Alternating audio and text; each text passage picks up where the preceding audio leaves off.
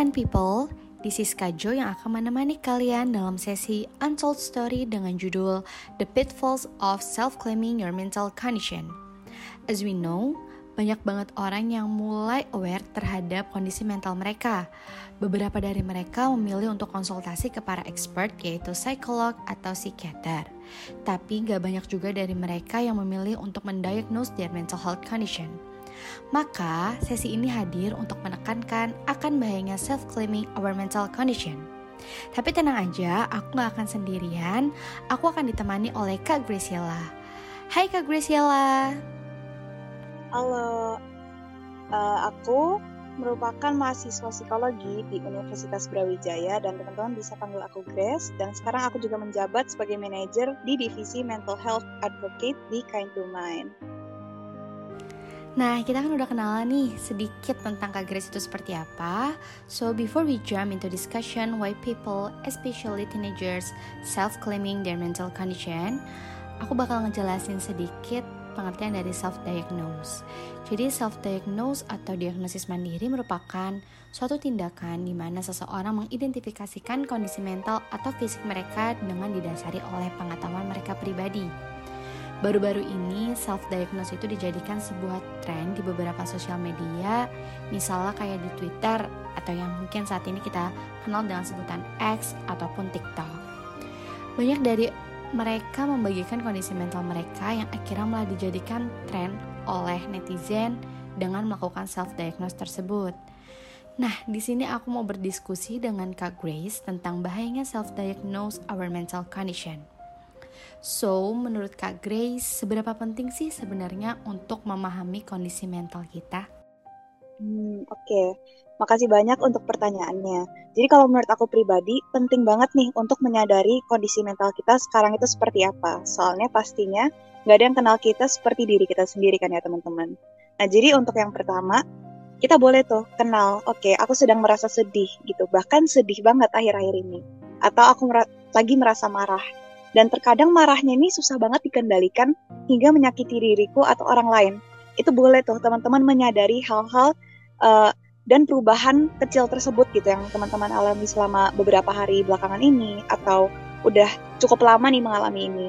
Nah, tapi yang salah itu adalah ketika langsung kita mencari informasi di internet atau informasi dengan bertanya-tanya kepada orang lain um, dan kita langsung jump to conclusion gitu. Kita langsung mengambil uh, kesimpulan bahwa kita memiliki gangguan mental yang ABC gitu contohnya. Nah, self diagnosing ini pastinya buruk banget teman-teman dan juga bisa membahayakan diri teman-teman dan orang lain gitu. Makanya menurutku kesadaran itu penting banget tapi jangan langsung lompat ke kesimpulan. Oke kak, tapi nih kak mungkin beberapa dari kind people masih belum sadar kapan sih mereka itu itu harus mulai konsultasi ke para expert seperti psikolog ataupun psikiater. Nah, menurut Kak Grace sendiri, ada nggak sih ciri-ciri atau tanda-tanda di mana diri kita itu telah mengalami perubahan yang membuat kita harus konsultasi kepada para expert? Hmm, boleh.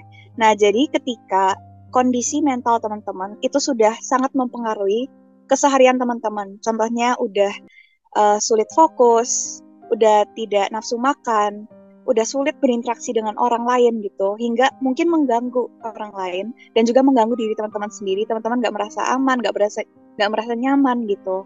Nah, ketika udah sulit melakukan aktivitas yang biasanya teman-teman lakukan sehari-hari, itu indikasinya teman-teman harus seek out ke tenaga profesional seperti psikolog atau psikiater teman-teman. Dan mungkin kalau uh, ke psikolog atau psikiater gitu kayak formal banget gitu ya, takutnya uh, butuh komitmen yang besar, komitmen waktu dan juga uang, teman-teman bisa ke konselor dulu gitu. Di mana salah satunya di Kind to Mind kita menyediakan layanan peer counseling yang gratis gitu. Nah dari situ kita bisa tuh ngobrolin bareng tentang kondisi teman-teman seperti apa, lalu mungkin teman-teman sedang ada sedang menjalani masalah hidup yang seperti apa gitu. Nah jika kami merasa bahwa teman-teman butuh dirujuk ke psikolog atau psikiater, itu kami akan rekomendasikan untuk penanganan lebih lanjut gitu. Wah, ternyata Kain Sumen juga menyediakan wadah bagi kind people untuk konsultasi, terutama bagi mereka yang ingin memulai untuk mengetahui kondisi mental mereka. Nah, berbanding kebalik nih Kak dengan topik utama kita yaitu self-claiming our mental condition.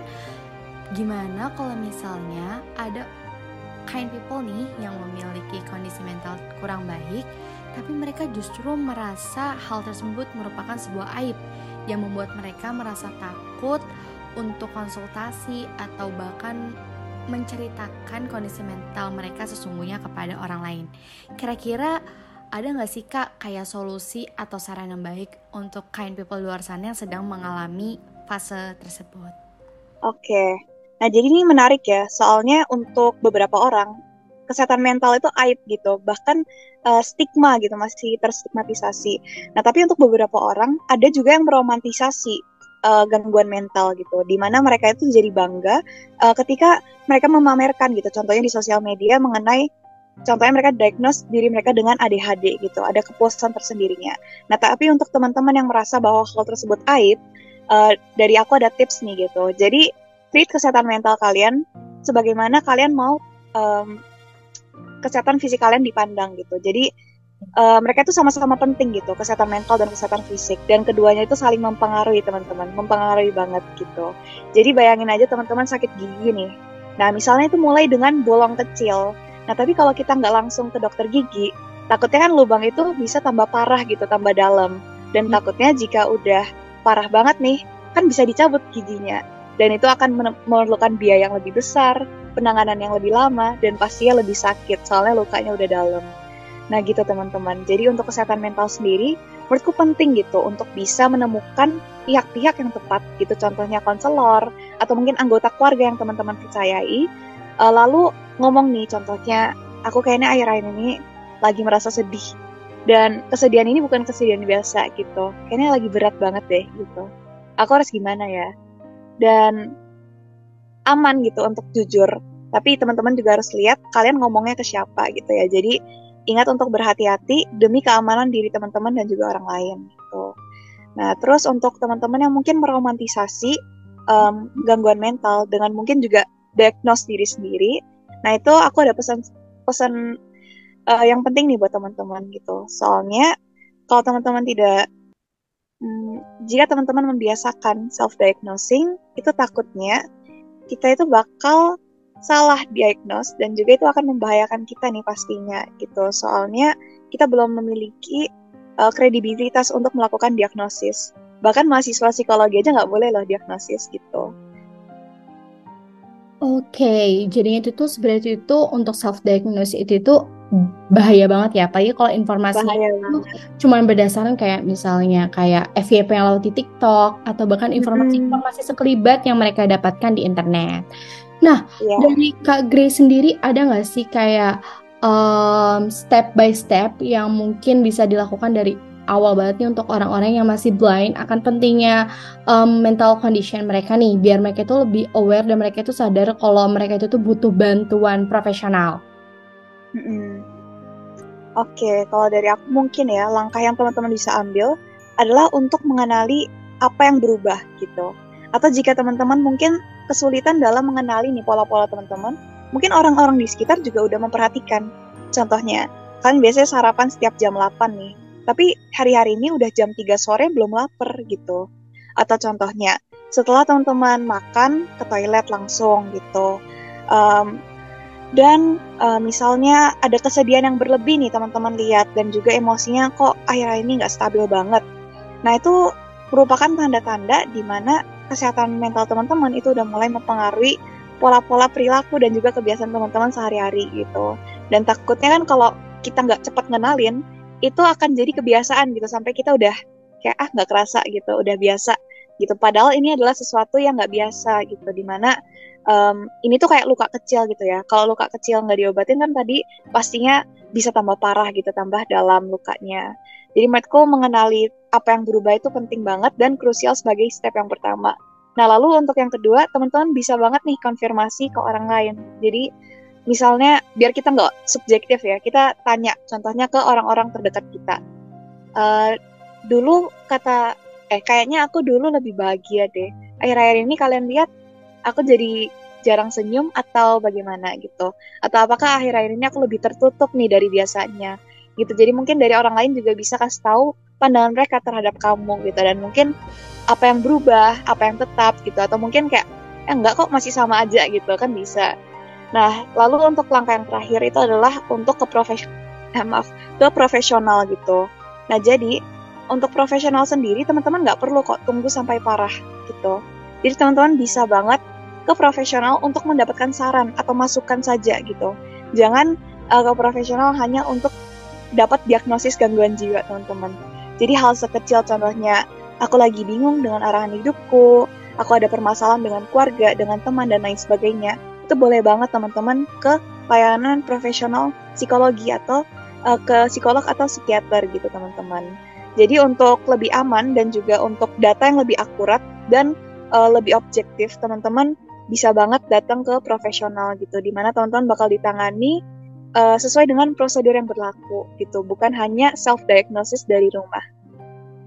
Oke, jadinya itu bisa kita bilang self-diagnose itu itu nggak um, bagus ya, apalagi sampai meromanticizing hal tersebut dan Betul. menjadikan sebagai tren di sosial media.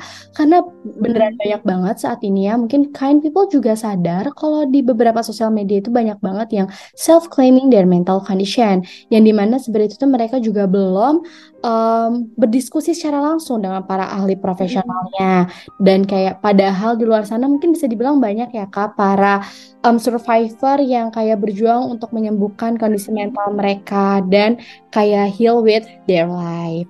Oke. Okay. Nah, kalau dari kakak sendiri nih, menurut kak Grace sendiri, hal hal-hal penting apa aja sih yang bisa mendukung gitu um, para survivor ini atau para um, teenagers yang sedang merasakan kayak mental conditionnya tidak baik biar tetap tenang gitu misalnya dari lingkungan keluarga kah atau teman-temannya harus seperti apa? Hmm, Oke, okay. jadi untuk individu sendiri, um, ketika kita merasa bahwa oke okay, akhir-akhir ini jujur aku nggak tahu mau ke mana, aku sedang merasa hopeless gitu, aku sedang merasa sendiri, uh, putus asa, merasa sebagai beban ke orang lain dan lain sebagainya kita harus pahami, oke, okay, aku sedang merasakan hal-hal ini gitu. Jangan menyangkal, jangan kayak aku nggak sedih aku nggak marah, aku nggak trauma, pokoknya aku baik-baik aja. Itu jangan gitu. Mari kita lebih satu langkah lebih baik lagi gitu, lebih kind kepada diri kita sendiri gitu. Saya ketika kita ingin memahami, bukan hanya judging gitu. Kamu kenapa sih lemah banget, lembek banget, gini aja sedih gitu. Ketika kita mencoba untuk membuka diri dan memahami diri kita nih jadi kayak mengenali dulu oke okay, aku lagi sedih. Lagi sedih banget gitu. Ini ada apa ya gitu. Kira-kira apa yang membuat aku sedih gitu. Dan ketika kita lihat oh ternyata aku sedih gara-gara contohnya temanku meninggalkanku gitu untuk orang lain. Kita telusuri lagi nih kenapa kita merasa sedih? Apakah gara-gara ada koneksi yang hilang? Atau apakah emang teman ini dari dulu emang udah membawa positif um, efek yang negatif gitu kepada kita. Mm-hmm. Apa yang kita kejar di sini dan apa yang kita um, apa yang menimbulkan masalah ini gitu, kesedihan ini gitu. Kita harus coba cari gitu. Dan mm-hmm. di akhir kita bakal tanya tuh, kita bisa nggak ngubah situasi ini atau apakah um, ini emang hal yang di luar kontrol kita gitu. Jadi mm. kalau contohnya kayak pendapat orang lain uh, dan juga uh, situasi-situasi yang ada yang kita nggak bakal tahu ya hidup itu lempar apa aja ke kita itu kan kita nggak bisa kendaliin tuh nah jadi daripada um, kita khawatir kita cemas tentang hal-hal yang kita nggak bisa kendaliin kita mending fokus ke diri kita sendiri. Oke okay, ini terjadi. Yang nggak bisa kontrol itu.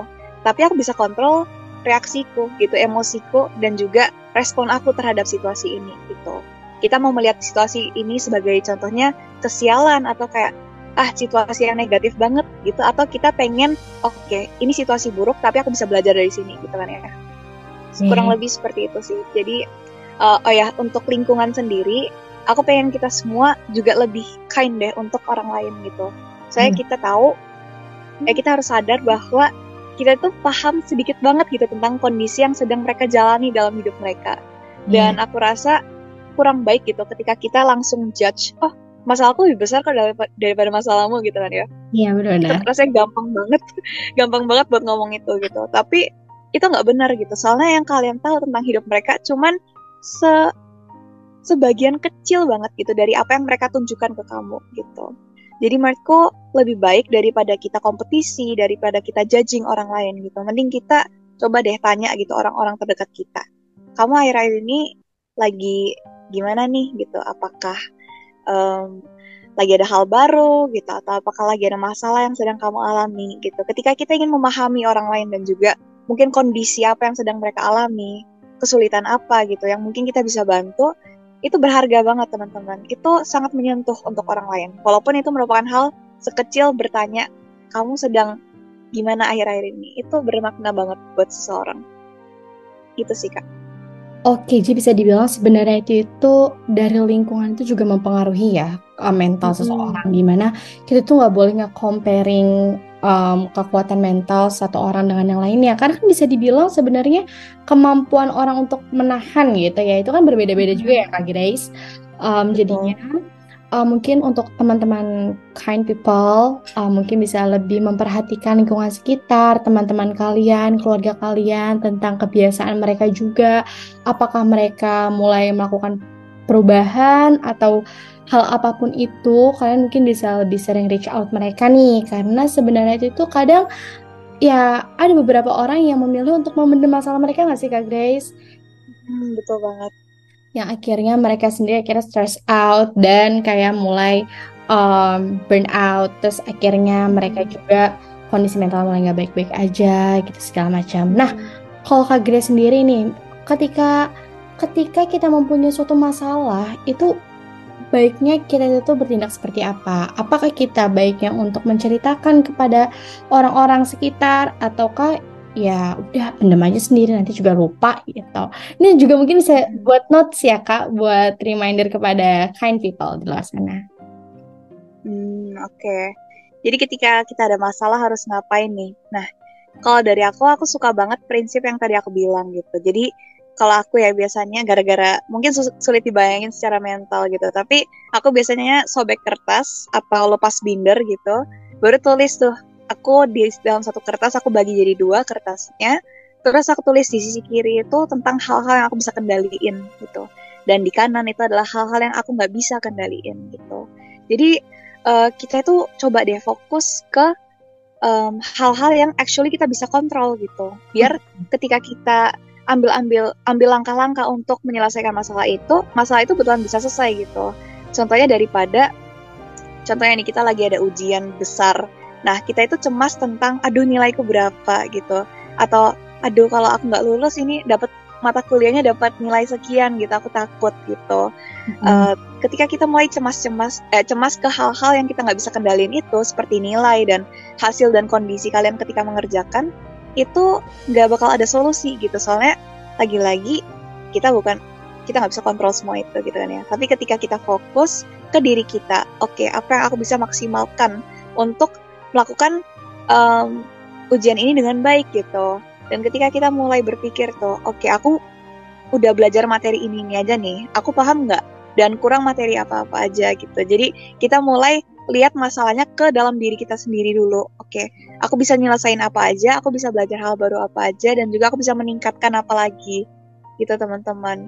Jadi um, aku juga pengen kasih reminder nih untuk kita semua ya. Ketika kita ada masalah kan biasanya kita langsung curhat nih, eh, langsung mungkin beberapa orang langsung gibah gitu ke teman-teman dekatnya. Iya nah, benar. Nah, teman-teman ya kan ya kayak cepet banget gitu kalau gibah misalnya.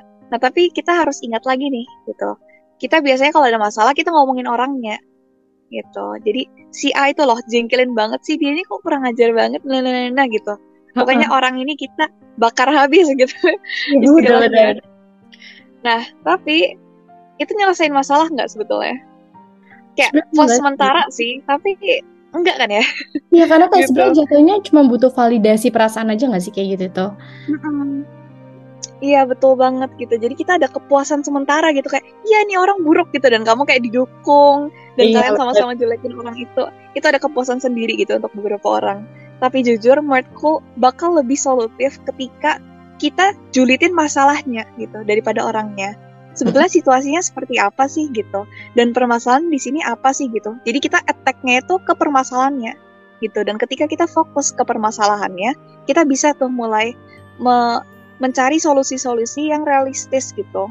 Dan mendapatkan dan actually mendapatkan solusi gitu dibandingkan dengan menjelek-jelekan orangnya saja. Gitu sih. Jadi menurutku harus ada perubahan mindset itu bukan menjelekkan orangnya tapi eh bukan membahas dan menjelek-jelekan orangnya saja. Eh malah jangan gitu. Jangan menjelek-jelekan orangnya. Tapi fokus nih redirect fokus kalian ke permasalahannya gitu. Dan pemecahan masalahnya itu seperti apa gitu sih Oke, wow, ternyata sangat informatif banget nih obrolan kali ini dengan Kak Grace. Jadinya tentang bahayanya self-diagnose yang tanpa didampingi oleh profesional. Iya, emang penting banget nih untuk menyadari kalau kondisi mental kalian itu sedang baik-baik saja atau tidak. Tapi itu bukan berarti kalian hanya bisa mengandalkan informasi yang kalian punya tanpa adanya arahan dari um, para profesional. Nah, untuk kalian sendiri yang merasa masih takut um, untuk pergi ke psikolog atau psikiater secara langsung, kalian bisa ke konselor dulu. Dan di sini kebetulan to Mind juga um, menyediakan konseling um, secara gratis. Jadi untuk teman-teman yang mungkin merasa membutuhkannya, boleh banget langsung um, konsultasi aja di to Mind karena mereka juga ada nih kayak Kak Grace dan teman-temannya yang akan mendampingi kalian. Jadi jangan pernah ngerasa takut juga tentang kondisi mental kalian. Jangan merasa itu sebuah aib atau apa pun itu, tapi tidak baik juga jika terlalu meromantisizing ketika banyak survivor di sana yang kayak sedang berjuang mati-matian untuk menyembuhkan kondisi mental mereka.